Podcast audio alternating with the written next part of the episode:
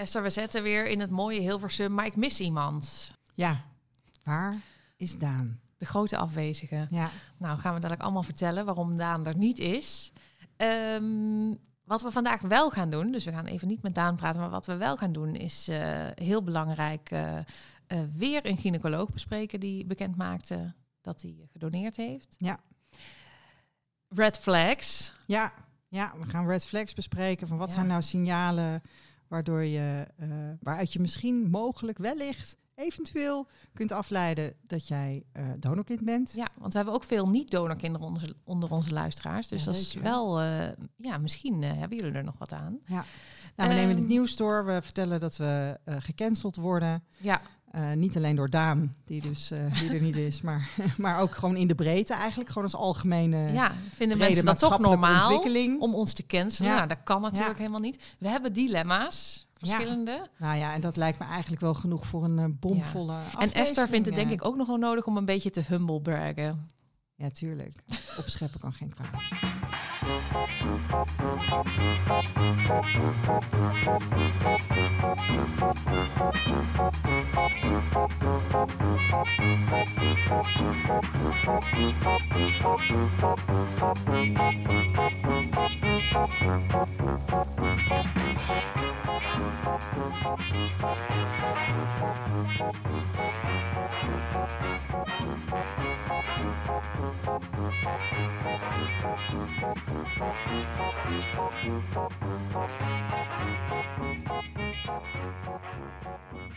Verdomme.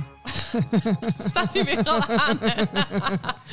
nee, ik, zal jou niet altijd uh, um, Nee, dat, ook weer voor de zeker. gooien. Nou, maar echt. Ik Als je je dat, godverdomme zegt, ja, dat mag ook. nou, dat. Maar ook dat de vorige keer dat ik dus zo van... Welkom in de podcast. En dat je dat gewoon vooraan had gezet. Ja. En dat ik gewoon dat was vooraan. ik ging naar ons luisteren. Ja. En toen schrok ik heel erg. ja? Toen dacht ik, nou, we allemaal luisteraars afgeschrikt. Nee, wel nee. Dus ik zet nu mijn meest zalvende stem op. Mensen, ik hoop eigenlijk, mijn doel daarmee, mijn doel daarmee is dat eh, mensen denken, oh, het is ook wel een beetje haha en grappig en niet allemaal alleen maar serieuze shit. Dat we, wel, dat we wel leuk en gezellig zijn. Ja. Ook. Ze moeten niet denken van, jezus, wat een. Oh, sorry. Potverdriet dubbeltjes, wat Ja. een zeikers. Ja, inderdaad. Die Esther en Eefje. Die Esther Vooral Eefje. Eefje. Vooral echt een Oh, zeiksnor. Esther heeft niet zo goed geslapen. Nee. Dus als ze nare dingen zegt, dan ligt het daaraan. En niet omdat ik een zeiksnor ben natuurlijk. Ik, ik Oh, laat wat het van me erg. Ik ben echt, eh, ik ben inderdaad een beetje moe. Maar ik ben wel heel blij dat je in Hilversum bent en dat we deze podcast Toch, opnemen. hè? Ja, Ja. want ik kwam, ondanks dat Daan dus met de coronaatjes thuis is gebleven, want eh, die zou vandaag de gast zijn. Ja. Ik zit op de kraakstoel, als je dat hoort. Oh, en dan ga ik hem proberen te laten kraken en dan doet hij het niet. Maar goed, als je dat hoort, dan is het gewoon zo. ja. Meestal ruil ik nog van, stoel? nee, meestal ruil ik nog van stoel, maar nu denk ik... ehm, Mensen moeten gewoon goed luisteren. En ik heb, ik heb deze net verwarmd. Ja, Dus hij is net nou, lekker. Nou blijf ik hier Hij is net lekker. Het traag schuim is net lekker een beetje in, eh, ingezeten. Precies, Hey. rond de vorm van mijn billetjes. En als ik naar jou kijk, moet ik dus lachen. Omdat jij eh, eh, zo'n tussenstuk, zo'n soort van zo'n dik pikkie... wat je op je dunne pikkie kan draaien van je koptelefoon... dat heb je met een plakbandje aan je koptelefoon. In dit tijdperk van dikpik sturen ga jij over een dikpikkie praten. En mensen weten niet waar jij het over hebt. Nee, maar ik- we zetten een foto op Insta. Want eh, je hebt dus gewoon een koptelefoon op... en daarbovenop zit met een plakbandje... zo'n verloopstukje van een eh, kleine audiojack... naar een, Ja. naar een grote audiojack. Heel netjes verwoord. Een ja. pikje. Want ik was dus Een eh een kwijtgeraakt. En toen had ik van jou, jouw lief mij had ik een, een tijdelijk eh dik pikje gekregen. Ga ik toch maar zeggen. En, ehm, maar toen had ik mijn eigenste weer gevonden. Ja. En toen, ik vond hem in, in zo'n kistje. Dat ik dacht, oh ja, hier heb ik het echt neergelegd. Zo van, oh ja, dan, dan ligt het veilig. Ja, Maar eh, dus goed. nu heb ik die andere erbovenop geplakt. Want ik vind dat de dingen zijn dingen die, Die raak je kwijt. Ja, ja, maar nu kan het ook gebeuren dat je om je heen kijkt... en denkt, waar, waar is dat ding? En dan zit hij dus niet vinden. boven op je hoofd. Hij zit boven op je hoofd. Ja. Maar goed, we zaten net het een beetje voor te bespreken. En toen keek ik op een gegeven moment een keer goed naar jou. Toen zag Ja. ik dat. dacht, nou, toch even een fotootje maken. Ja, heel serieus gesprek en dan komt dit. Ja. voor. ja. ja. Nou, we missen dus inderdaad Daan vandaag. Daan, wereldberoemd van de documentaire Papa is je vader niet. Ja, Eh, dus als je nog niet kan ook hebt... corona krijgen. Ja, is ook weer bewezen. Of nou ja, bewezen. Hij is de derde hè, dan van ons. Inderdaad, van ons. onze club. Nou, de volgende keer, want Ja. hij komt wel heus een keer. Ja. Het kan dus niet misgaan, want er kan niemand zeggen... ik kan niet, want ik heb corona. Nee, nou ja, nee, tenzij er een nieuwe variant is. Maar goed, we gaan lekker niet. eh, je bent niet welkom in de corona-podcast. Nee, Eh, maar het was sneu voor Daan. Dus Daan, Daan wetenschap. veel beterschap. En, En, ehm, ehm, We gaan hem even appen voor een, eh, voor een nieuwe datum. ja, dat doen we. Ehm, Esther, we hebben allemaal nieuwe vrienden van de show. Nou, te gek Hoe hè? vind je die? Echt. Heb, Welkom. jij- heb jij je baan al opgezegd, Eefje? Bijna, bijna. Ik overweeg het. Ja. Eh, welkom, nieuwe vrienden van de show. Merel, Monique, Erwin, Lies, PJ of PJ. Nou ja, het zal wel niet PJ, PJ zijn. Hè? Wie is van de dat dan? uit? Paul, Jan, Filip, Jan? Of is dat dan Ik had vroeger een klasgenootje die heette Peter Jan. Peter, Jan, Kan ook. Ja. Maar, Balkenende? Ja, waarschijnlijk die. En last but not least, eh, Laura. Laura. Een hele lieve meid. Nou, allemaal lieve mensen. Ja, zeker. Dank voor jullie steun. En als je het belangrijk vindt dat deze podcast gemaakt wordt, dan vinden we het heel fijn als je inderdaad vriend van de show wil worden. Ja, Op uh, www.vriendvandeshow.nl slash de streepje kwak streepje kwaakt. wat spreek je dat toch uit alsof je dat elke dag doet? Vind ik echt heel Heb ik professioneel. geoefend. Dat, heb ik, dat doe ik, oefen ik onder de douche. Hey Esther, wij krijgen het steeds drukker eigenlijk, want eh, er gebeurt veel in, in donorkindland en we, steeds meer mensen reageren op ons. Ja, maar we hebben ook de, de frequentie weer opgeschroefd. Ja, hè? Dus dat, dat dat, houdt iedereen ook weer wakkerder, volgens mij. Ja, dat is toch grappig, hè? Dat je als je vaker met elkaar praat over donorkind dingen, dat je dan meer te bespreken hebt. Ja, dat is eigenlijk grappig, hè? Ja. Alsof er, dat er dan meer gebeurt. Dat is ook een beetje een soort van self-fulfilling prophecy, lijkt het wel dan. Nou ja, en het is natuurlijk nu zo dat al die eh, gynaecologen even naar buiten komen met z'n Ja. allen tegelijk. Ja. Van hé, hey, maar ik had ook gedoneerd. Ja. Ja. nou daar moeten we het even over hebben natuurlijk. Dus dat. ehm, dus daar gaan we het later nog over hebben. Maar eerst misschien even leuk om te vertellen ehm, dat er eh, allemaal mensen hadden gereageerd en ook vragen en de dilemma's met ons hadden gedeeld. Ja. Zo was daar Merel. Ja, hier is ze. Hoi Esther en Eefje. Ik ben geen kind van een zaaddonor, maar ik kan wel wat vertellen over jullie aflevering. Ik ben mijn moeder op jonge leeftijd verloren en heb door de tweede vriendin van mijn vader daardoor twee extra zusjes gekregen. Bovenop de twee zusjes die ik al heb. Nadat we nu al ruim 13 jaar zusjes zijn, kan ik wel zeggen dat ondanks dat we geen DNA delen, ik geen ver- verschil voel tussen mijn verschillende zusjes. Maar ze deelt toch wel DNA, dan toch half? Nee, Oh, zo. die, vrouw, van die vader heeft ook kinderen meegebracht, dus dat zijn stiefjes. Ja, ja, ja. Oké, nou, mooi. En eh we wensen ons veel succes met de podcast. Dus, Maar ik heb daar toch een vraag over. Want ik had bijvoorbeeld toen ik 13 was, kreeg mijn moeder dus een relatie met Kitty. En toen werd gewoon mijn tweede moeder. ja. En toen dacht ik altijd, op een gegeven moment dacht ik van ja, maar die zijn gewoon voor mij hetzelfde, zijn gewoon mijn moeders. En totdat zij een keer heel erg serieus ruzie hadden. En toen wilde ik zoals zo'n leeuw voor mijn moeder gaan liggen. En toen dacht ik, oh ja, het is toch anders. Ja, maar dat is moeders. En we- de- de- Ja. wat we natuurlijk hadden voorgelegd was ja, inderdaad tuurlijk. of het nou anders is als je een broer of een zus later in je leven leert kennen. Ja. Ehm, nou, het blijft een ook interessant gewoon- thema. Het is ook gewoon ook een persoonlijke ervaring natuurlijk. Ja. Maar ik kan me wel heel goed voorstellen en ik vind het wel mooi. Ja, dankjewel Merel Ja, voor, je, voor je reactie. We, we hadden ook een, eh, een, eh, een dilemma gekregen. Oh ja, en gingen we deze nou... ehm, Nee, Nee. we hebben meerdere dilemma's gekregen. oké. Deze gaan we wel bespreken. En Ja, eentje gaan we... En eentje leggen we voor aan onze achterban. Ja, oké. oké. En deze gaan we bespreken. ja, Oké, ja. go. Oké. Ehm, dat is eh, Alida. En Alida die zegt, eh, ik ben geen donorkind. Maar eh, nou ja, ze luistert ze? gefascineerd. eh. oh, wel lief zijn voor Alida. Ja, maar nee, ik, ik bedoel gewoon nog steeds in alle liefde. Ja. Het kan nog steeds. Oké, je, je adviseert Alida toch even om te blijven luisteren en straks de red flags waar we het over gaan hebben eventjes eh, af te Ja, wachten. eh, om, ook te- om ook definitief vast te kunnen stellen of ze geen donorkind is. Precies, inderdaad. en anders alsnog voor de zekerheid een DNA-testje erachteraan. Ja, ja. Nou, ze heeft een dilemma.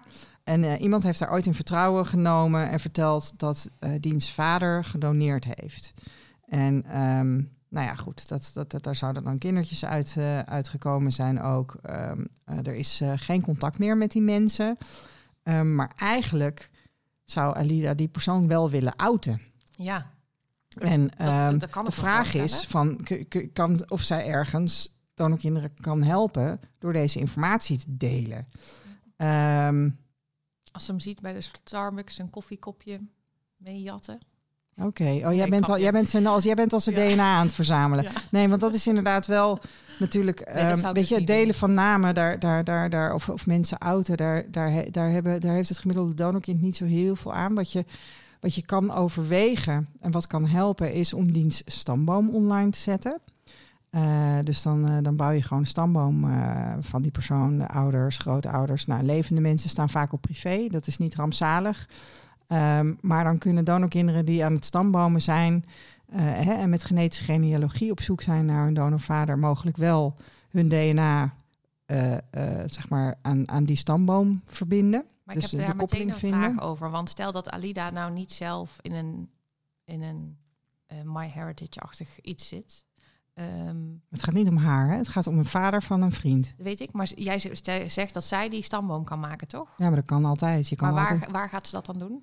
Ehm, in Ancestry of in MyHeritage, je kunt eh, tot 250 mensen gratis bomen. In MyHeritage hoef je geen abonnementje te nemen. En geen DNA-test gratis- gedaan te hebben. Nee, maar die Oh. DNA-test is sowieso handig. Want misschien dat een achterneef van Alida, waar ze het niet van weet dat hij ook gedoneerd heeft, dat die mogelijk ook gedoneerd. Dus een testje is altijd sowieso een goed idee. Ehm, maar goed, weet je, als je dus als je niet op de koffie wil met een testje, want soms zijn ze per twee gewoon goedkoper, hè? dus je kan het proberen. Maar als je nou niet op de koffie wil, dan is het altijd nog een idee om die persoon stamboom te bouwen. Ja. En zo zeg maar die data toch op een of andere manier een beetje ja, op slinkse wijze beschikbaar te stellen. Ik, ik kan wel vertellen dat ik, ehm, ehm, eh, ik kom dus bij dokter Swaap vandaan. En ehm, nou goed, die, die, die Swaap die, die, die zat in een kringetje met allemaal artsen, allemaal vooruitstrevende artsen toen in die tijd in, eh, in Amsterdam. Eh, die vonden dat, eh, dat mensen zelf de regie hadden over of ze wel of niet kinderen kregen.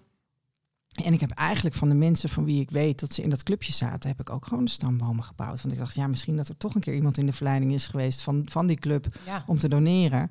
En daar heeft nog nooit iemand mij op aangesproken hoor. Dus ik heb bijvoorbeeld de boom van eh, Els Borst en van haar man, want die zaten ook in die club. Eh, en er is nog nooit iemand naar mij toegekomen die gezegd heeft van what the fuck, waarom heb jij de Ja. boom van onze familie gebouwd of zo, weet je? Dus ehm, Nee.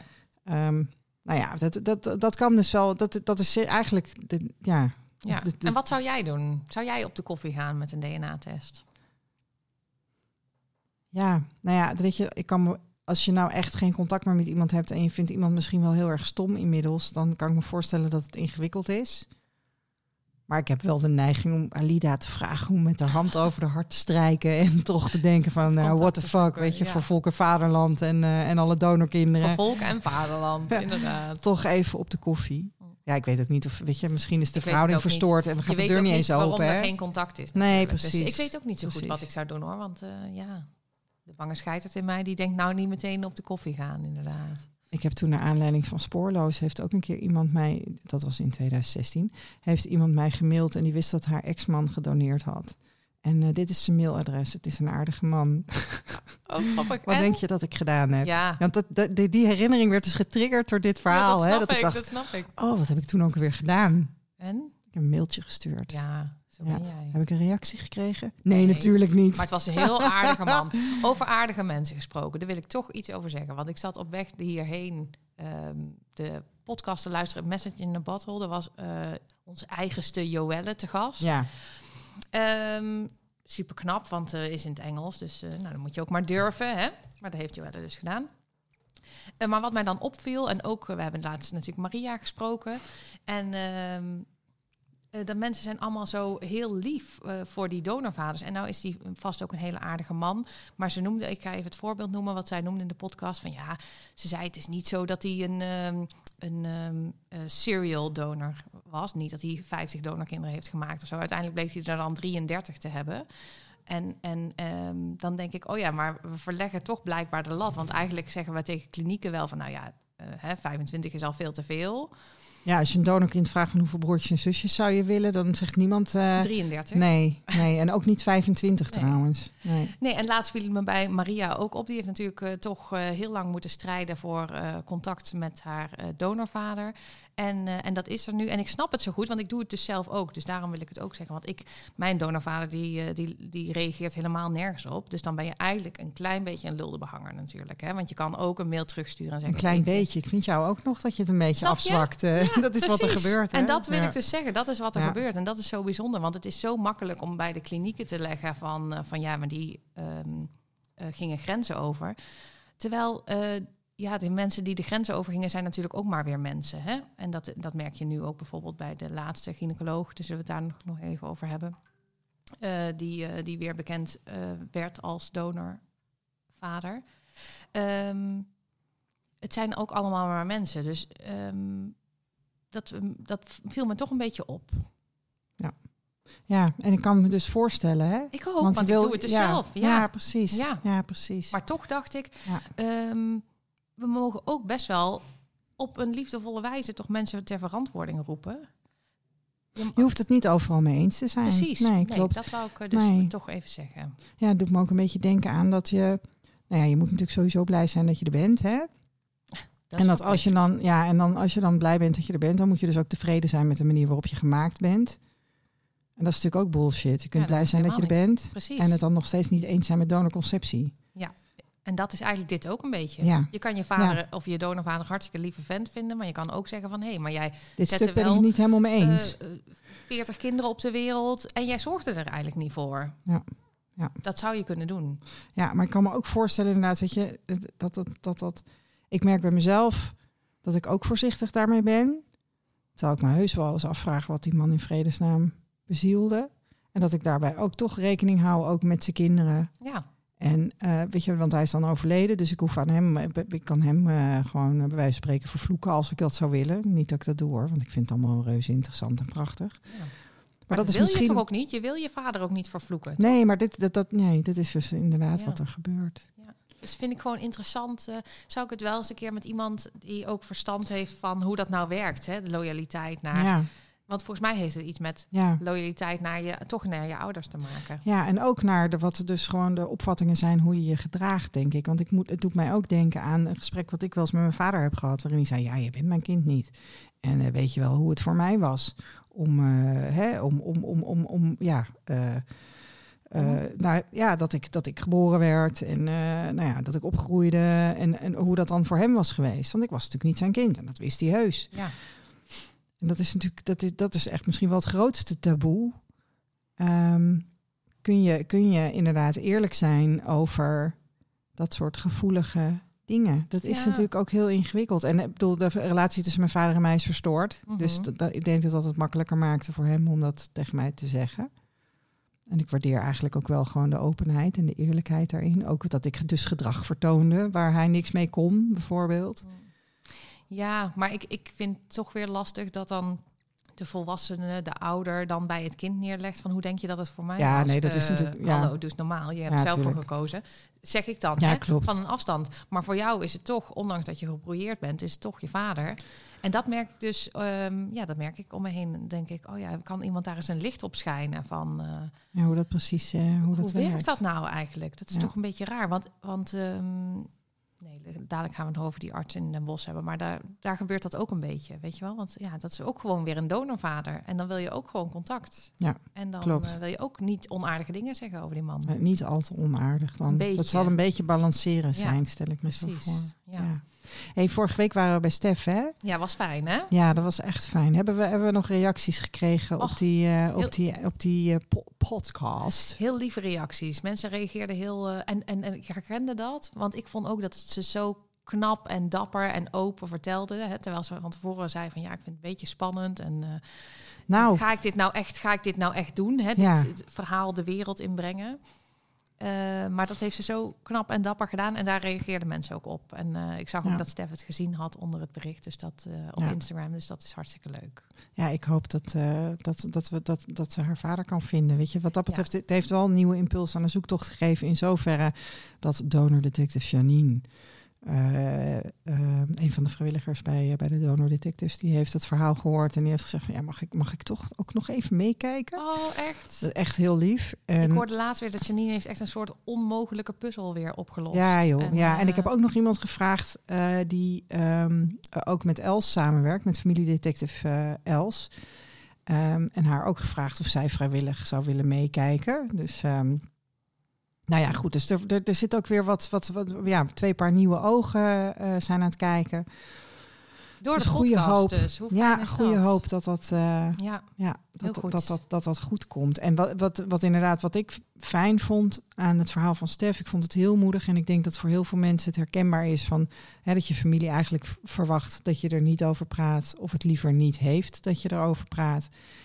En dat het, ja, ik denk dat iedereen die in die situatie zit, en dat zijn best een hoop mensen, dat die toch ook misschien, ja, dat het heel- toch wel fijn is om iemand daar dan over te horen praten die in zo'n situatie zit. dat, een denk ik ook. eh, Dat denk ik ook. ja. Volgens mij was dat ook met die aflevering met jouw zus, die dan nog een soort familiegeheim is. Ja, Ik, ik- volgens mij was dat ook een, eh, een fijne aflevering voor mensen, want er zitten zoveel mensen ook in die positie. Ja. En dan is dat gewoon fijn om daar iemand anders over te horen, denk ik. Ja.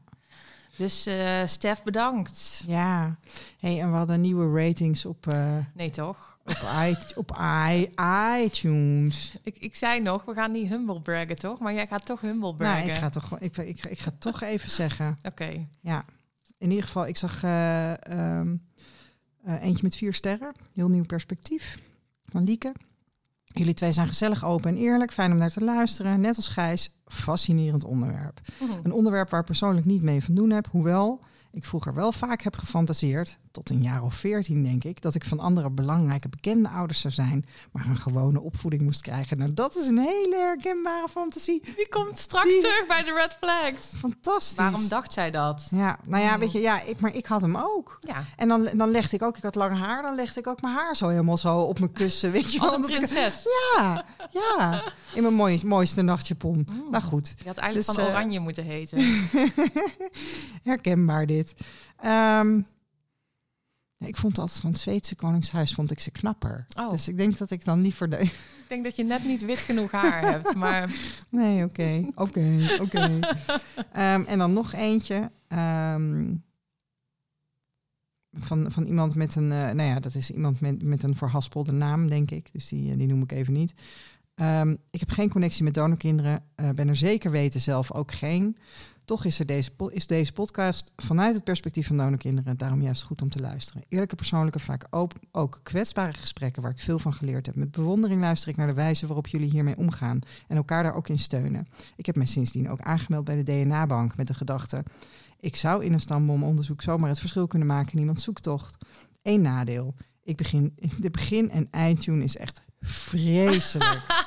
Hoe een papa getrompet er is. Of je ding, of nagels op een schoolbord. Maar ondanks dat blijf ik luisteren. En is deze podcast meer dan vijf sterren waard. Nou, dat, dit is, ik vind het echt... ik vind dit dus heel leuk. Ik vind dat het dus niet in de podcast hoort eigenlijk. Maar goed, het zit er nou in. Ja. Maar ik vind dus, ik had het nog niet gelezen. En ik vind het wel echt heel leuk om te horen. Nou, en, maar dat iemand ook Ik een DNA-test heeft. Ja, nee, ja, Ja. maar ik ook. Ja. Want dat iemand een DNA-test heeft gedaan. Weet je, ik hoop eigenlijk dat gewoon alle luisteraars die er nog geen hebben gedaan, dat die eh, de moeite nemen om er eentje te bestellen. Want dat Hoeveel is gewoon, procent eh, zei Ivo nou van de Nederlanders moeten... eh, Ja, het is DNA 2 of doen? 3 procent. En dan kunnen we Nou, iedereen vinden. Ja, dus Nou, met, met, met, met, met het aantal luisteraars wat wij hebben, moet het wel gepiept Hey. zijn.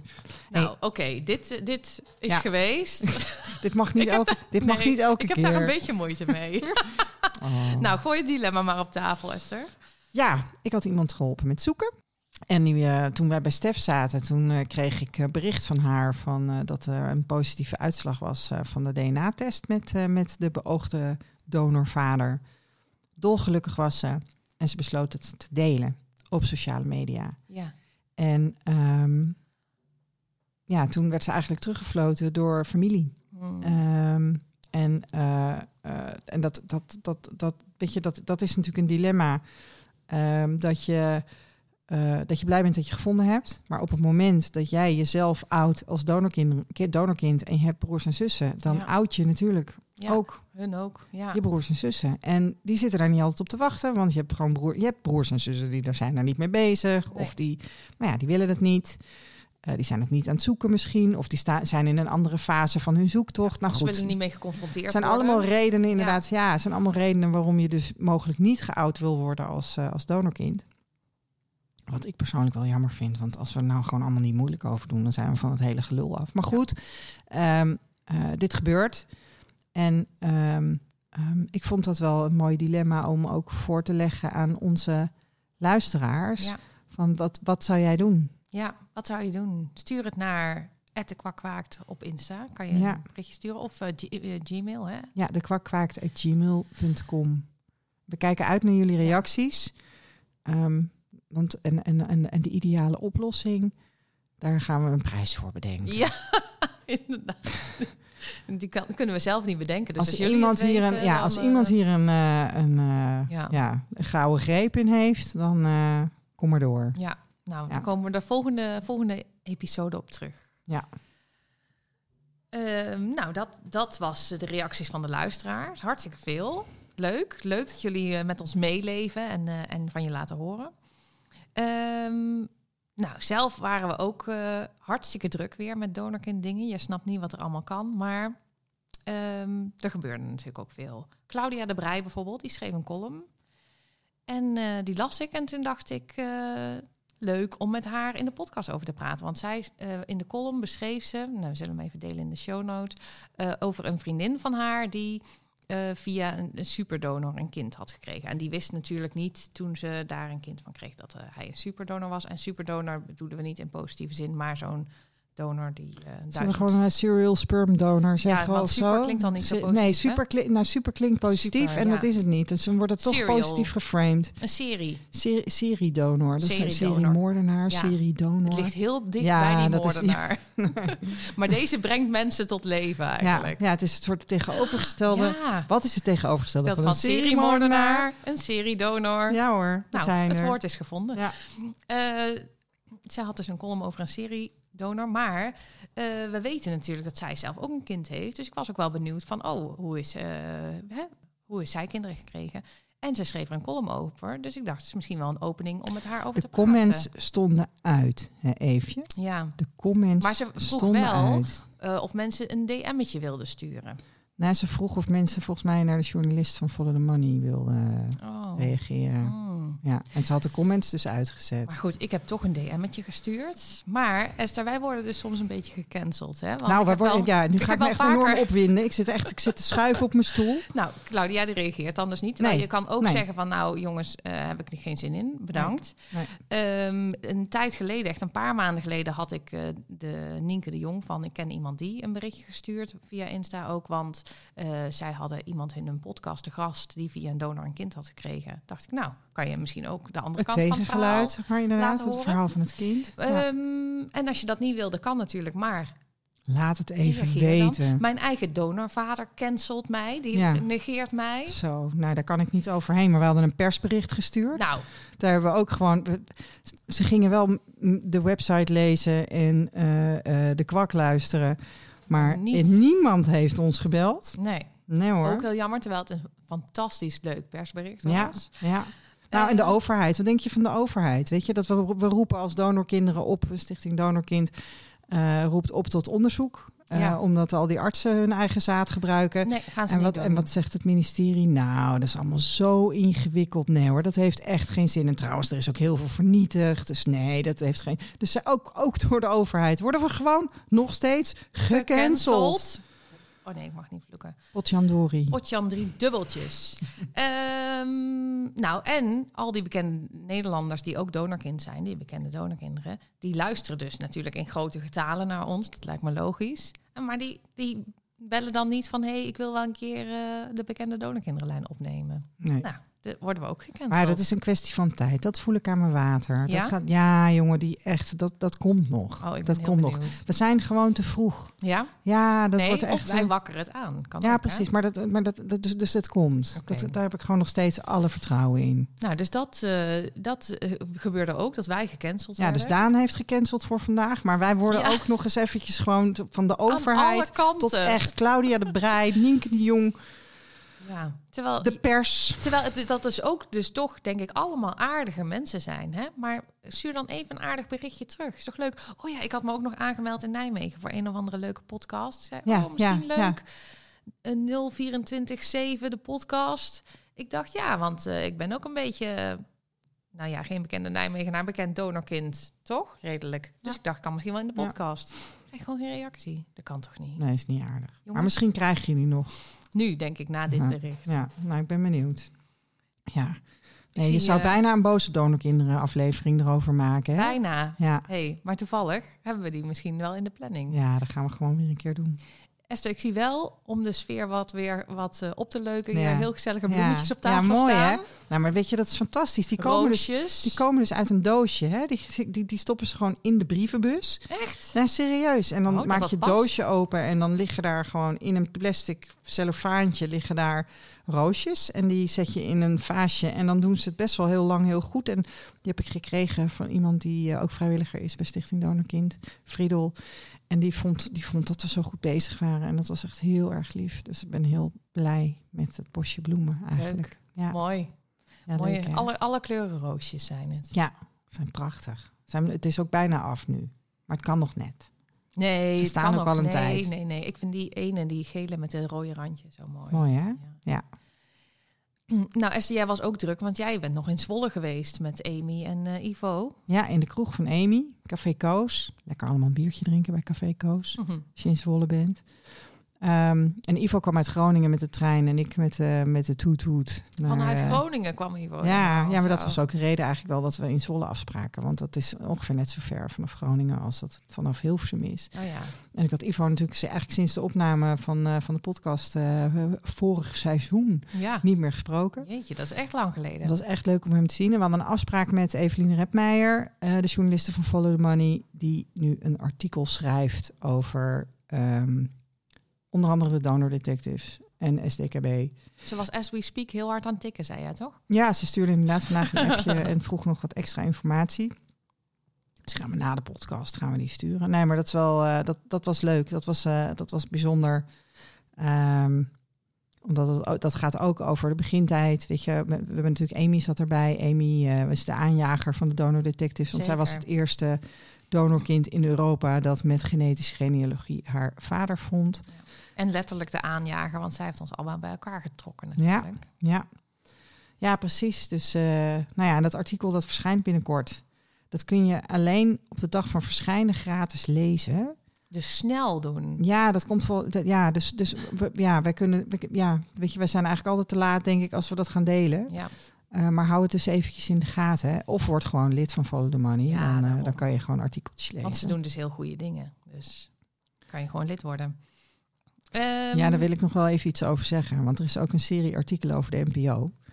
En ehm, nou, dat is wel grappig. Ik werk bij de NPO, weet je. En dat gaat dan over onze vorige, onze vorige voorzitter van de Raad van Bestuur... die niet zou kunnen parkeren. En weet je, het niveau van die stukken is af en toe wat bedenkelijk. Gewoon even, dit, is- dit is Oh de ja, privépersoon oké. Esther die dit even opmerkte. Ja. Maar goed, er is zo'n serie artikelen. En ehm, eh, nou ja, goed, daar werd toch wel, weet je, iedere keer als er zo'n artikel verschijnt, werd daarbij, ja, werd, wordt daar wel naar uitgekeken. En dan lezen we dat natuurlijk allemaal. Eh, dus ik, ik heb op mijn werk wel het grapje gemaakt van ja, ik heb morgen een afspraak met Follow the Ja. Money. Vonden ze heel leuk. ja, en dan niet zeggen dat dat gewoon dat dat voor de donor detectives Oh, ja. was, maar gewoon even, was gewoon, was gewoon even laten ik landen. had- was vooral voor het binnenpretje was dat, eh, was dat heel leuk om even te zeggen van... eh, ja, ik, heb, eh, ik ga morgen naar Zwolle, want ik heb een afspraak met, met Follow the Money. Nou goed, alsof er iets sappigs bij mij vandaan te halen is over de NPO. Echt niet. Maar goed, dat is, zo, dat is gewoon echt wel heel grappig. Nee, heeft Evelien je daar niet over bevraagd? Nee, nee, zij doet, zij, zij doet de fertiliteitsindustrie. Nou, De NPO is in handen van, eh, van anderen. nou, en ik wou nog wel iets zeggen, want ik las dus dat laatste artikel. ehm, even denken, oh, dat ging over de Spaanse eicelbanken. Blijkbaar zijn er Ja. echt 200 eh, eicelbanken in Spanje, want eh, nou, daar doen ze dat. Je gaat een hele harde gemak. piep overheen, toch? Nou, ik vond dus dat het een beetje Ja. dat stuk. Ik las het en eh, er was ook een Nederlandse gynaecoloog kwam aan het woord en die zei dan van, nou, die snapte wel dat die mensen dan naar Spanje gingen, want in Nederland moet je ook heel lang wachten.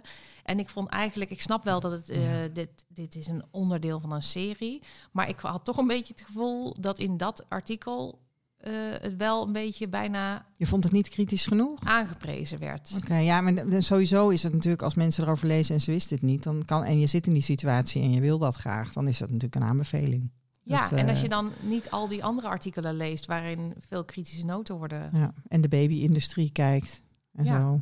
Als je dat allemaal niet doet. Dan, ehm, dus ik vond dat een beetje dat ik dacht, nou, meh, had er nog maar een kritische noot naast gezet. Ik las ook nog ergens in een artikel, volgens mij was dat in, eh het was in een dagblad, ehm, dat een, ehm, de oprichter van de Nederlandse IJsselbank? Of was het in het stuk van Follow the Money? was in het stuk van Follow the dat die, dat, want dat, dat, dat, ik haak dus ook best wel een beetje af op die stukken. Want daar staat dan van eh, dat een, eh, on- een, een onvervulde kinderwens echt groot psychisch leed met zich meebrengt. En dat ik denk, what the fuck, jij ziet gewoon niet wat je creëert. Weet je wel, hij ziet, hij ziet die mensen die heel graag een kindje willen. Ja, ja. Nou, dat- dat- dat- weet je, dat... dat, dat maar daarom vond ik dat storend.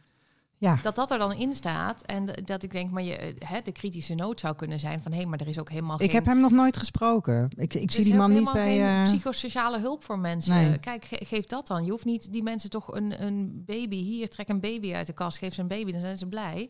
Waarom is dat de oplossing? Daar Hm. word ik dan een beetje boos van. Maar dat eh, was wel een soort van zijn oplossing. Ja, Ja, was inderdaad is in dat artikel. Ja. Ja, precies. En het leed wat dan veroorzaakt wordt, ja. zeker bij het gebruik van buitenlandse donoren, dat gaat, dat, dat gaat hij niet zien. Nee, Nou, is en lekker niet in zijn praktijk in ieder geval. Nee. Hij, hij, hij, is, eh, hij scoort als hij iemand zwanger maakt. Ja. Heftig eigenlijk, hè? Ik werd ook nog eventjes gebeld door de Standaard. Eh, dat was een, eh, een Belgisch dagblad. Is dat een dagblad eigenlijk? Ja. Eh, want die gingen aan op dat nieuws van, eh, waar we het zo nog even over zullen hebben, van ehm, dat er weer een gynaecoloog, en dat was dan de vierde in eh, Nederland, naar buiten was gekomen.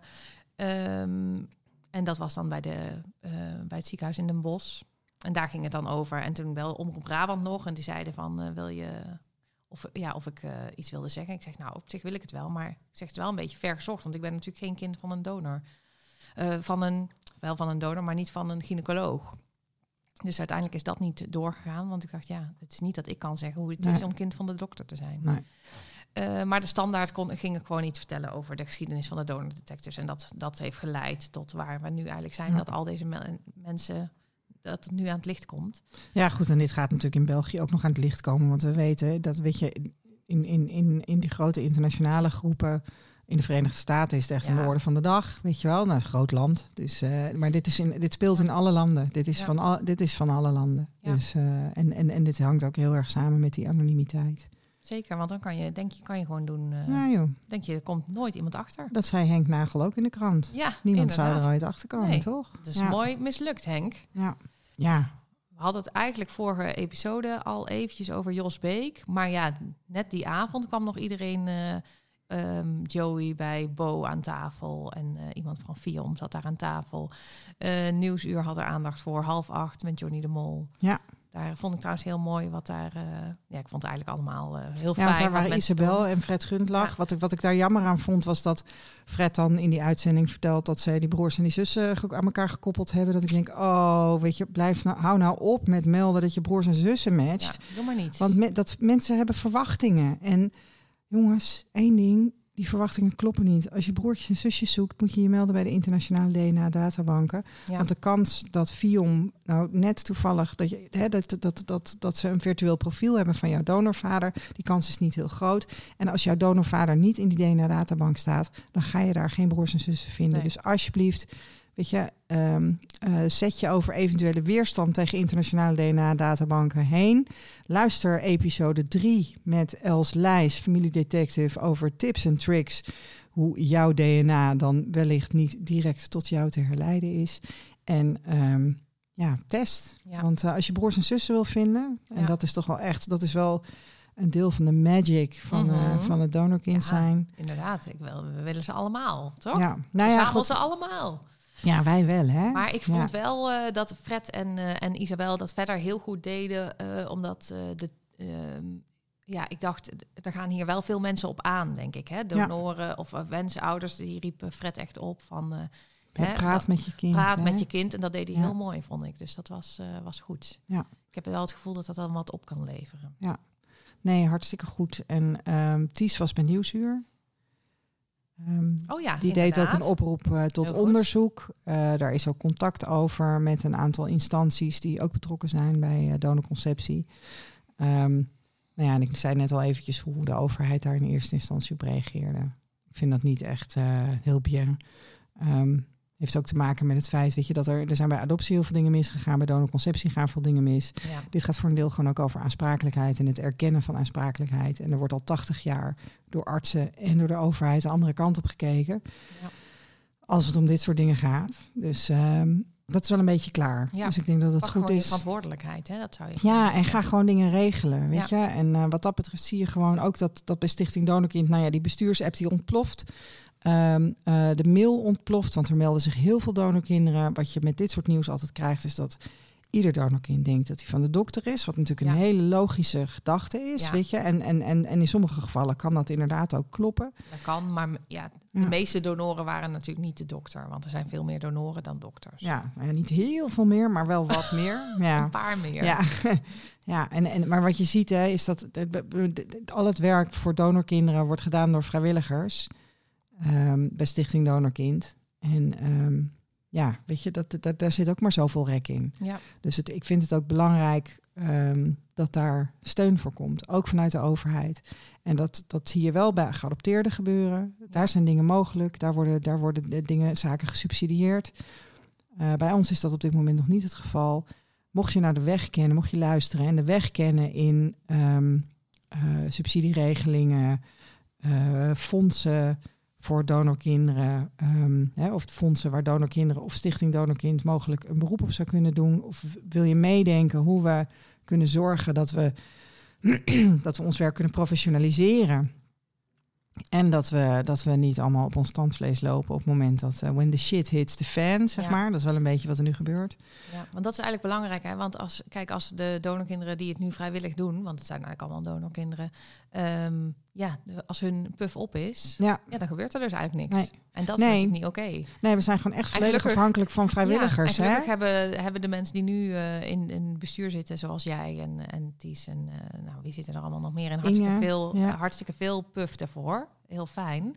Maar dat gaat ook een beetje met ups en downs natuurlijk. Want soms, net als wat jij zegt over die artikelen van Follow the Money, dat raakt je natuurlijk. Ja, tuurlijk. En wa- wat je ook merkt is dat je, als je dan aan tafel gaat met mensen, eh, of dat nou de NVOG is, of, eh, of, of onderzoekers bij universiteiten, De of, eh, NVOG of is ook alweer de Dat Nederlandse... is de club van, eh, van gynaecologen. de club van gynaecologen. Ehm, maar ook, ook bijvoorbeeld FIOM of SDKB. Wij doen dat allemaal in onze vrije tijd. En die mensen worden gewoon betaald. Ja. Die zitten daar gewoon hun werk te doen. En, en, en het voelt af en toe wel alsof we dus ja, de rommel opruimen, zeg maar, die door een industrie wordt veroorzaakt, die veel geld verdient. Ja. Ja, wij zijn gewoon een beetje de sjaak. Ja. Dus mocht je ideeën hebben ehm, hoe we ja, ook daar fondsen voor kunnen werven. Ja. ehm, je weet ons te vinden.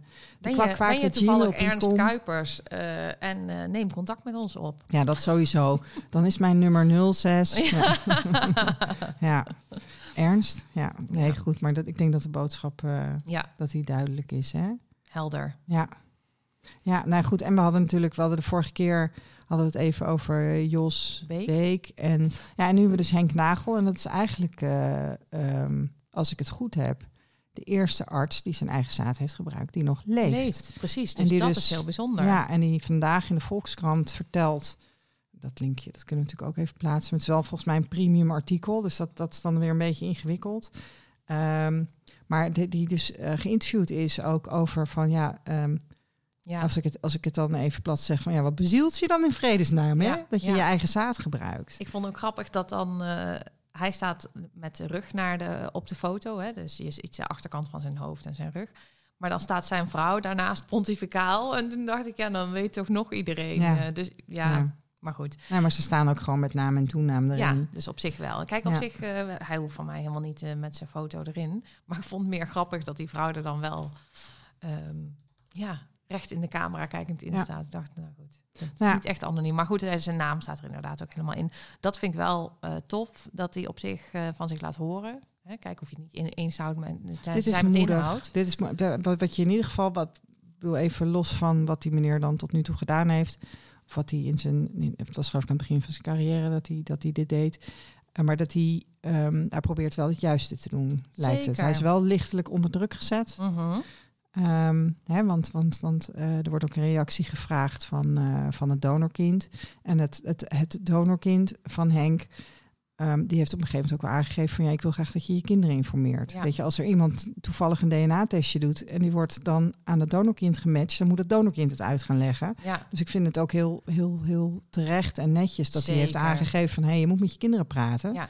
nou en dan zegt het donorkind van, nou, daar heb ik hem meerdere keren verzocht. Hè. De- Ja. nou, misschien dwingend verzocht, maar ehm, Henk Nagel zelf, die, die vond dat dan dat hij, daar, eh, dat hij dat eiste. En dacht ik, ja, volgens mij is dat niet zo gegaan. Hè, want, eh, we- ja, maar goed, eh, die heeft Ik dat kan, dan me, ik kan me voorstellen dat je wat druk ervaart, want ik denk niet dat hij veel keus had. druk ervaard. Maar goed, ik denk ook dat er komt meer door wat hij, hè, doordat hij zelf gedoneerd heeft. Ja, dat heeft niks te maken Hè, dan kan je eh, wel zeggen van ja. ja. die eiste dat van mij. Nee, het gevolg van jouw daden van toen Ja. is dat je nu eigenlijk aan je kinderen moet vertellen. Of je wil dat ze het via een ander horen. Dat wil Ja. je niet, toch? Nou ja, goed, en, en, en tot nu toe is dat donorkind nog eh, in zijn eentje. Ja. Dat maakt het natuurlijk overzichtelijk nog. En ehm, dat moet mij ook wel even denken aan eh, dat er ook wel donoren zijn hè, die dus hun eh, DNA afgeven en dan komt er geen match met een donorkind. En dan denk je, nou ja, Mhm. zie je wel. Maar die, die kinderen zijn helemaal niet op zoek. Er is helemaal niks Mhm. aan de hand. Ehm, terwijl ze het vaak dan ook gewoon niet zullen weten. Dus, dus ja, weet je, het, het kunnen er nog steeds meer zijn. Ja. Ehm, Ik weet goed, ook, er ik is heb er eentje die het weet eh, en die zich bij Fium gemeld heeft. Ja, en die ook contact heeft eh, gehad met de donor en ehm, met eh, kinderen van de donor Ja. inmiddels. Hè? Dus dat is hartstikke mooi. En hoe, hoe hij hem dus gevonden heeft, is dat hij ehm, in 2018 in een internationale databank een match had met een nicht Ja. van de arts. Dus dit is gewoon ouderwets speurwerk, genetische genealogie geweest Ja, met een hele mooie match. ja. En dit is wat we doen met ja. de donor detectives. Ja. Dus eh, ehm, dat, het ook even om eh, ehm, voor, voor luisteraars die denken van ja, maar ik ga hem toch nooit vinden. Of weet je, het, het- nee, het kan, het kan echt. Het Dit kan, is er ook ja. één. En, en eh, ook grappig, want die, eh, die, die gynaecoloog, donorvader, hoe moet ik hem nou noemen? Eh, meneer Henk. Nagel, Henk. Henkie. Meneer Nagel, Eh, ja, die, ehm, die oude heer. die eh, zei ook van ja, maar je weet ook niet, hè, wist niet precies hoeveel donorkinderen eruit gekomen waren. En dan moet ik denken aan mijn tandarts, weet ik nog, heb ik jou wel eens verteld, hè, dat hij ook Ja. doneerde. En die had dan tien jaar gedoneerd. En zei hij tegen mij, ja, maar even, ik weet helemaal niet of daar wel echt ehm, kinderen uit zijn ontstaan. Want dat had hij dan nooit gehoord. En zei ik, denk je nou echt dat ze jou tien jaar lang elke, Ja, laten weet ik veel hoe komen. vaak je ko- Laten kwam, komen. laten komen, Ja, eh, als, als er niks uit voortkomt. Ja. Eh, ik weet toevallig van iemand anders die mij verteld heeft dat hij ging doneren. En toen bleek meteen dat hij onvruchtbaar was, hoefde niet meer terug te komen. Ja. Dus zo nee, werkt dat het is ook. dan. Dus je kan precies. ervan uitgaan, als je jaren hebt gedoneerd, ook al heb je nou, drie keer gedoneerd, daar is heus iets uit voortgekomen. De kans is wel groot, ja. Dus Henk, reken er maar op. Komt er misschien nog wel één of twee bij. Ja, nou, het is wat, hè? Nou hè, ja. Ik had wel het gevoel dat eh, het... eh, want het Jeroen Bos ziekenhuis, die wilde dat nu eruit. Hè? Want op zich wist het donorkind en, en de donorvader hadden al langer contact met elkaar. Maar het ziekenhuis besloot nu dit bekend te gaan maken. Ja. Ehm, en ik had wel het gevoel dat dat ook te maken had met het nieuws van vorige week. Ja, klopt. Dat is, ook, dat is ook in het verlengde daarvan. Weet je, als het toch al stormt, Ja. dan, dan maar gewoon Dan maar eh, erachteraan mee in de fietsen. storm. Ja, precies. Dus, eh, dus eh, misschien komt er deze week nog in, je weet het niet. Ja, nou ja, goed, we weten dat er nog dat er sowieso een arts in Den Haag was in de jaren tachtig die toen berispt is door zijn leidinggevende omdat hij zijn eigen zaad zou gebruiken. Dat is dokter Goormans. Ehm, ik ken persoonlijk nog iemand die ook van een dokter is. Er is nog een ehm, andere arts bij een kliniek waarvan we weten dat hij zijn eigen zaad gebruikt. En er is nog ergens een medewerker. Oh ja, En ik noem dus bewust geen namen, want dat is, dat is niet aan ons. nee. Ehm, ehm, maar om even om aan te geven dat we dus weten dat dit geen incidenten zijn. En dit is eigenlijk wat allemaal teweeg is gebracht doordat we met z'n allen zijn gaan testen. Hè? ja, precies. Dat is gewoon wel, weet je, de waarheid komt gewoon boven tafel. Nou, dat En vond ik die- dus belangrijk om aan de standaard te vertellen ook. Want die vrouw Ja. mij dus. Ehm, dit was natuurlijk nooit... eh, hadden we, kijk, ooit waren mensen gaan testen. Maar wij hebben dat toen eh, de Stichting Donor Detectives opgezet. En wij hebben dat natuurlijk eh, aan de wereld of aan Nederland bekendgemaakt. Van, hey, ga dit doen. Want zo Ja. kan je je donorvader vinden. Eh, en daardoor zijn we, staan we nu waar we nu staan. Ja, en daardoor hebben we dus ook ontdekt hè, eh, best wel vaak ook dat, ja, dat artsen dus gewoon niet helemaal te vertrouwen waren. Want dat is een beetje het lastige. En dat is een beetje de opvatting ook die, lief, ja, die in Den Haag ook leeft. Van, eh, weet je, dan zit je aan tafel en er zitten ook allemaal artsen bij. En eh, nou, dat zijn natuurlijk allemaal keurige mensen die een eten hebben afgelegd. Ja. Maar we weten, hè, dus bijvoorbeeld dat, dat heel veel broers en zussen geen volle broers en zussen zijn. Terwijl ouders wel in de veronderstelling waren dat ze kinderen van dezelfde donor kregen. Zodat die kinderen in ieder geval vol verwant zouden zijn. Nou, Ja. je hebt dus inderdaad kinderen van de, van, van de arts. Ehm, en er komen nog andere schandalen aan. Dus eh, dat, het is nog niet op. Nee. Ik zag vandaag iemand eh, die reageerde ergens onder. Die zei: Het lijkt toch. ehm, nee, ik kan het niet goed zeggen. Maar uh, hè, als je het in, in de anonimiteit kan doen. Dat je. Nee, ik, kan, ik kom er niet uit. Nee? Shit. Oké. Dat je. Weet gewoon, probeer het maar Dat- gewoon. dat mensen- Zingen? Kan je het zingen? Als ik kon zingen, La. dan. eh, la la. Het is bijna carnaval, hè? Dus eh, het zou een carnavalskraker kunnen worden. Nou, probeer nee, dat eens. als de intentie, ehm, als je echt goede intenties hebt, dan doe je het ook als het eh, achter. ehm, ik kom echt helemaal niet uit. Ik denk dat ik zelf niet geslapen heb vannacht. dat kan toch niet? Ik laat Ik heb de neiging om het in te vullen. Ja, het- maar... vul maar in. Graag. nee, maar- Doe, help mij. Ja, maar is het dus dat iemand zegt van... oh, maar als iemand dat met goede intenties doet... dan hoeft hij niet anoniem te blijven? Oh, nee. Of moet hij dan juist anoniem? Kan het dan ook wel anoniem? Want het was allemaal goed bedoeld? Of, Nee, of knoop ik nou dingen aan elkaar die... Nee, het gaat erom dat... Moeten we het even opzoeken? Als iemand echt... Ja, waar, waar, waar zag ik het nou? Oh ja, ik weet waar ik het zag. Wacht, ik ga het opzoeken Ja, gewoon. is goed. Shit, want ik vond het wel goed gezegd. En dan gaan we zo door naar de red flags. Hè? De oh red ja, flag. inderdaad. Waar, komt die term red flag vandaan? Ja, geen idee ik, eigenlijk. ik weet het ook niet. Oh ja, ik heb hem hoor. Let op. Integ- integriteit vind ik ook al een moeilijk woord. Ja, integriteit. integriteit. is het juist te doen, ook als er niemand kijkt. Kijk, heel weinig woorden. Integriteit is het juist te doen, ook als er niemand kijkt. Ja, maar dat hadden Oh, die maar die artsen, artsen waren dus niet integer. Nee, dat is de boodschap. Oké, nou, Nou, mooi. Heel lang Mooi. verhaal. We zijn eruit. Ja. Oké. nou, goed dat je dat even hebt opgezocht. Ja. Hey, ehm, de red flags. We Ja. gaan, kunnen we, is er niet een leuke... de indicatoren. Wat, wat, is, wat is nou een goed Nederlands? Nederlands woord. Ja. Signalen. Rode vlaggen? Ik Ja. werk bij de NPO, hè? Rode vlaggen? Maar ik wil zeggen signalen. Signalen. Nou, signalen. Vind je dat goed? Ja, dat is goed. Oké, wat ja, zijn nou maar het zijn signalen? eigenlijk wel alarmerende signalen. ja, alarmerende signalen waaruit je kan Ja. afleiden dat je eventueel misschien beter een DNA-testje Ben kan doen. jij ook een donorkind? Oké.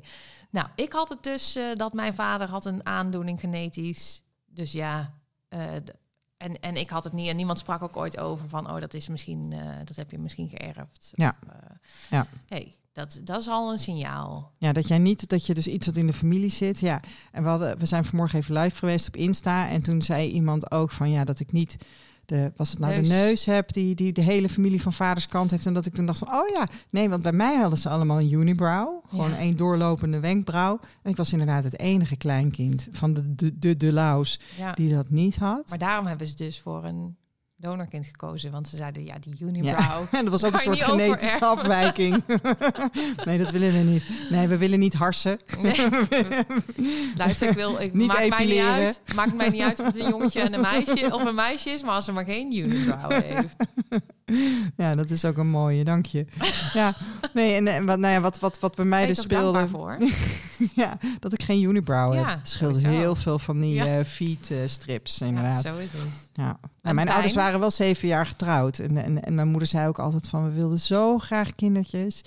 En daar hebben heel veel moeite voor gedaan. Ja, Ja. dat is een, echt een signaal. Hè? Want heel veel moeite kan dus zijn... ik moest 25 keer naar de kliniek op en neer, want Ja. het lukte niet meteen. Nou ja, precies. En, eh, en volgens mij, want in mijn moeders tijd moest je dan gewoon nog heel veel moeite doen. Was dan geïnsemineerd worden en daarna op je kop zitten, zeg maar. Maar nu Ja. gebruiken ze ook hormonen en zo. En dat was volgens mij toen nog niet echt. Nee, Er werd wel onderzoek gedaan om te kijken of je eileiders een beetje...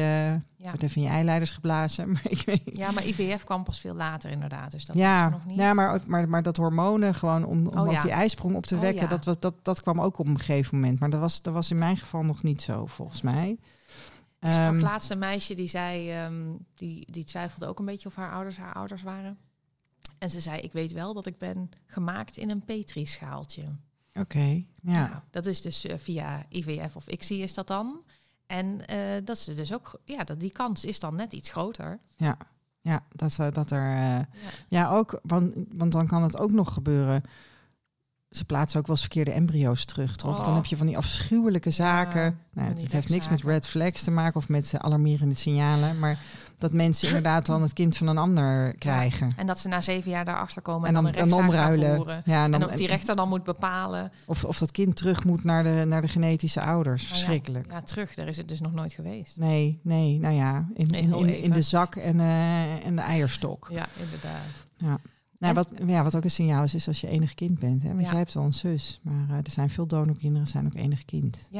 Want dan, als het heel moeilijk was en niet vanzelf ging, dan eh, bleef je soms alleen. Ja, en dan was misschien die ene ook al wel op het nippertje. Dus misschien was je moeder ook al wat ouder. Ja. Dan, eh, ja.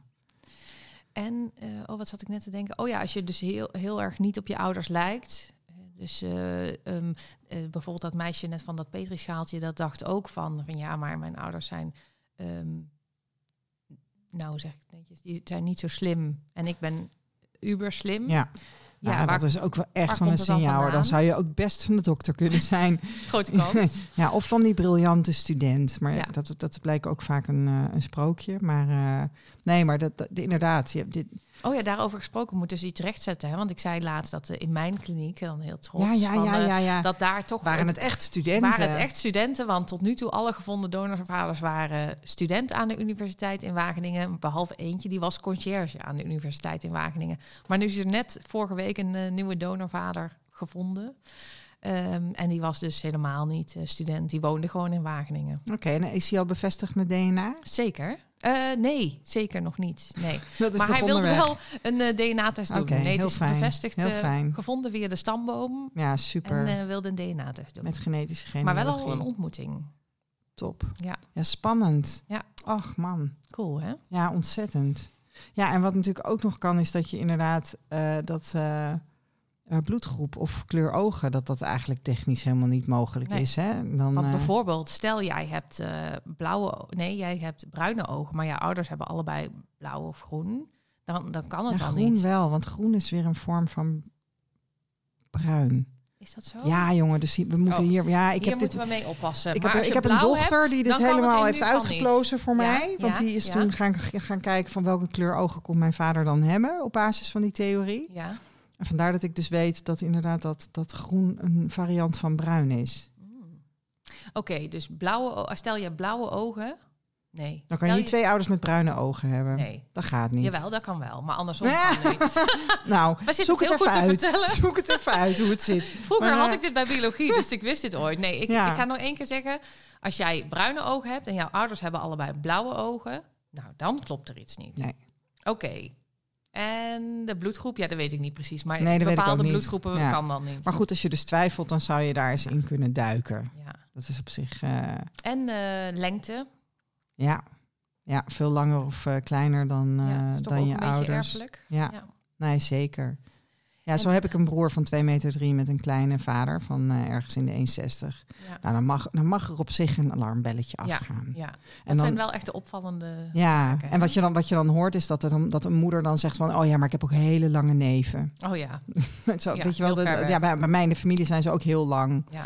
En dat kan, hè? Het kan. Ik maar, moet eh, meteen ook denken aan eh, eh, dat jij toen vertelde over die Marfan-groep. En dat mensen dan in die groep komen en zeggen... ja, ik heb Marfan, maar het is een genetische afwijking... want het komt verder niet voor in de een spontane mutatie. Oh ja, spontane mutatie. Ja, ja, dat is een spontane mutatie. Ja, dat zijn mijn broers en zussen ook allemaal. Een We hebben van spontane vandaag mutatie. samen een beetje woordvindingsproblematiek, hè? Ja, maar we komen er samen ook wel weer uit, Ja. Eefje. Dat ik is hoop maar dat fijn, mensen hè? het leuk vinden om naar te luisteren. maar die spontane mutaties vind ik eh, belangrijk. Ja, die zijn, dat, dat is ook inderdaad een alarmerend signaal. Ja. Ehm, want wij vermoeden dan- wel eens dat alle ja. spontane mutanten van Marfan in Nederland gewoon kinderen van Gerard zijn. Ja, nou ja, inderdaad. Nou, dat vind ik helemaal niet gek gedacht. Nee. Eh, en als je dus eh, iets medisch, eh, hè, als er iets medisch met je is, dan is het misschien ook wel belangrijk om te weten waar het dus vandaan komt. Hè? Dus dan is het misschien een goede reden om te testen. Ja. Ja, want dat, inderdaad, dat vragen artsen ook altijd. Hè? Komt het in de familie voor? Hey, soms is er helemaal niks opvallends, maar dan heb je gewoon een niet-pluisgevoel.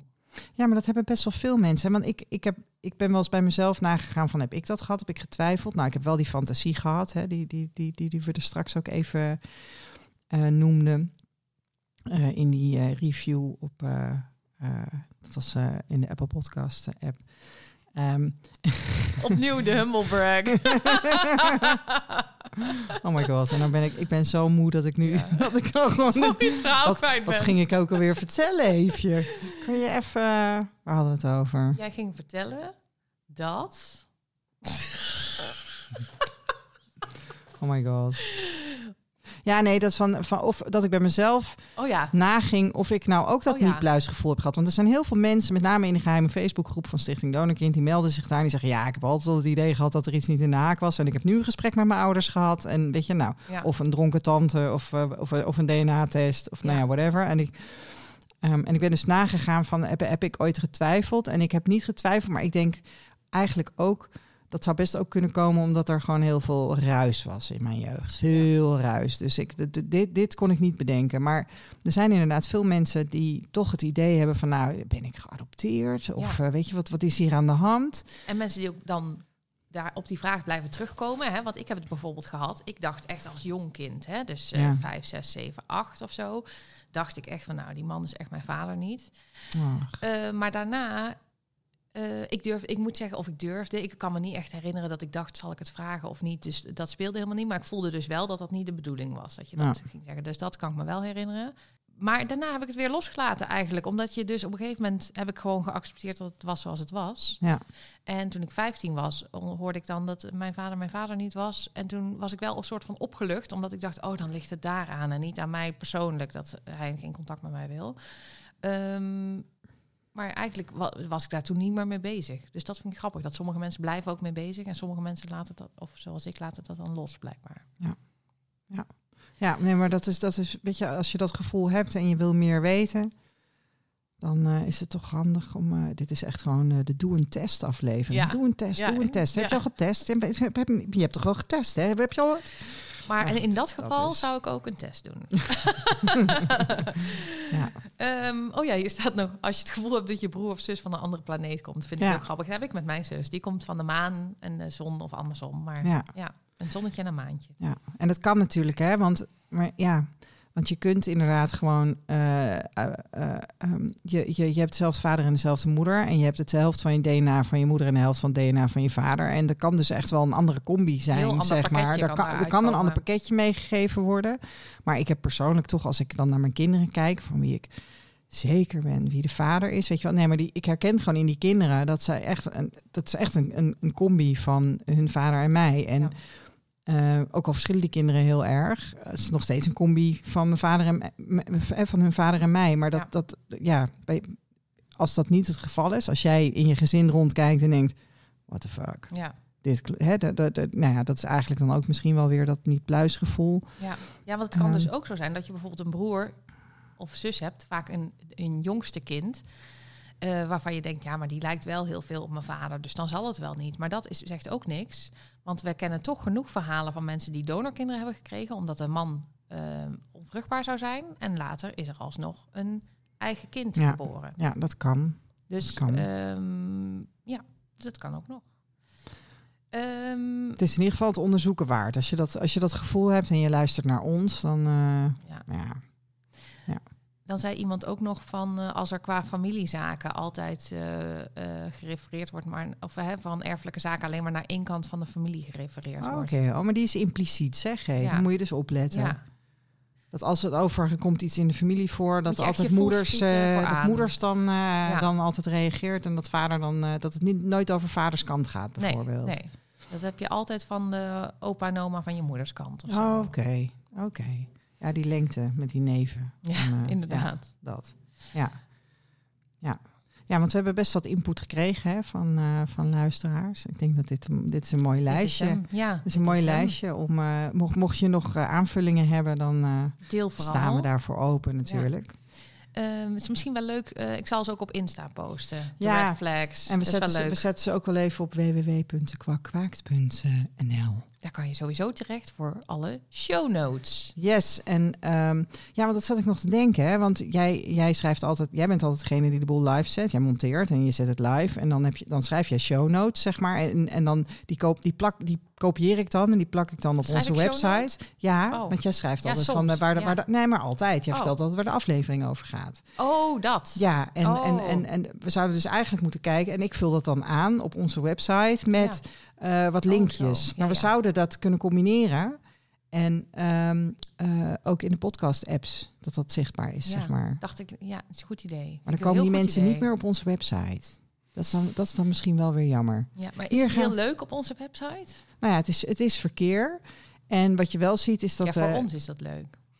Ja. Is het voor de mensen leuk op onze website? Ja, want dan vinden ze dat ze komen. Het is eigenlijk gewoon een verkapte. Het is een, het is een pagina op esterdelau.nl eigenlijk. Met een eigen URL. Kom eens bij al jouw blogs. Dan eh, heb je soms een gekkie ertussen die, eh, die alles leest. Ja, klopt.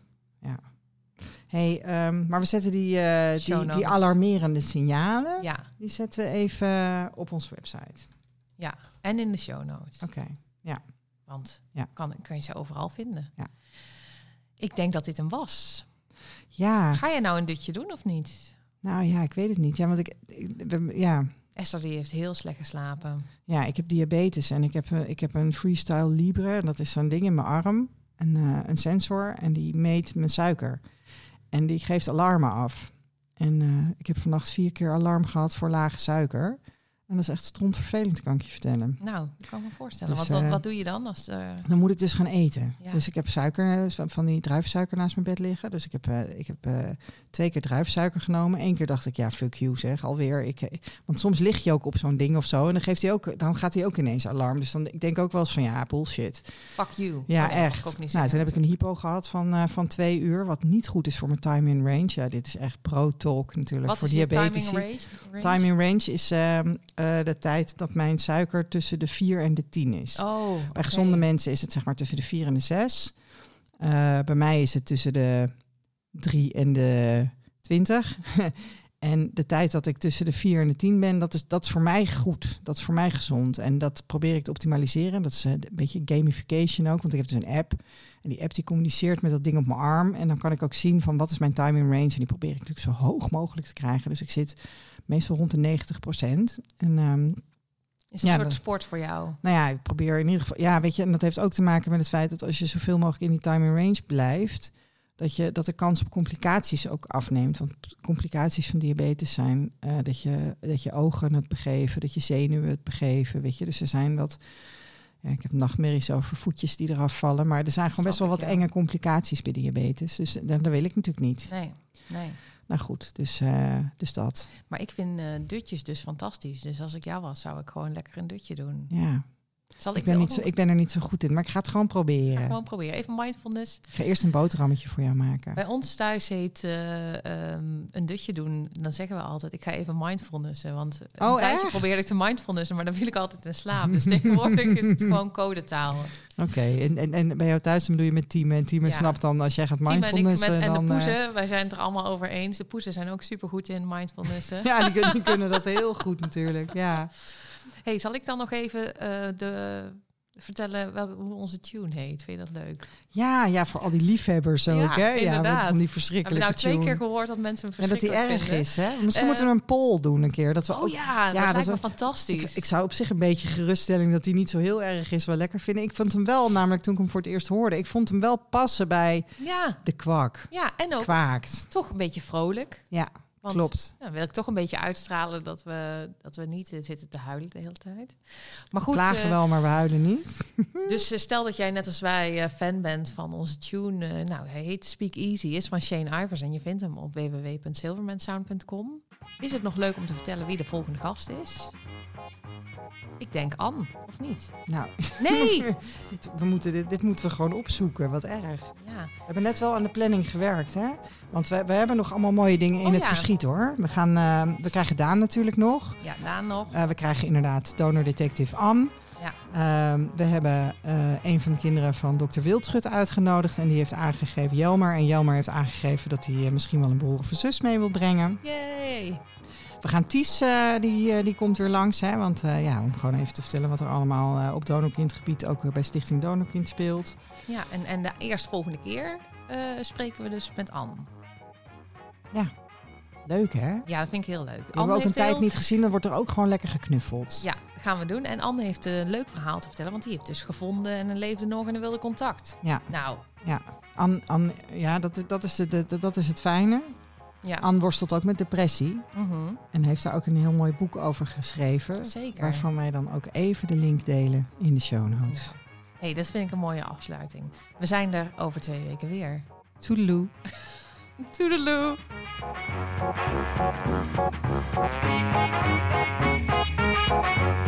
Thank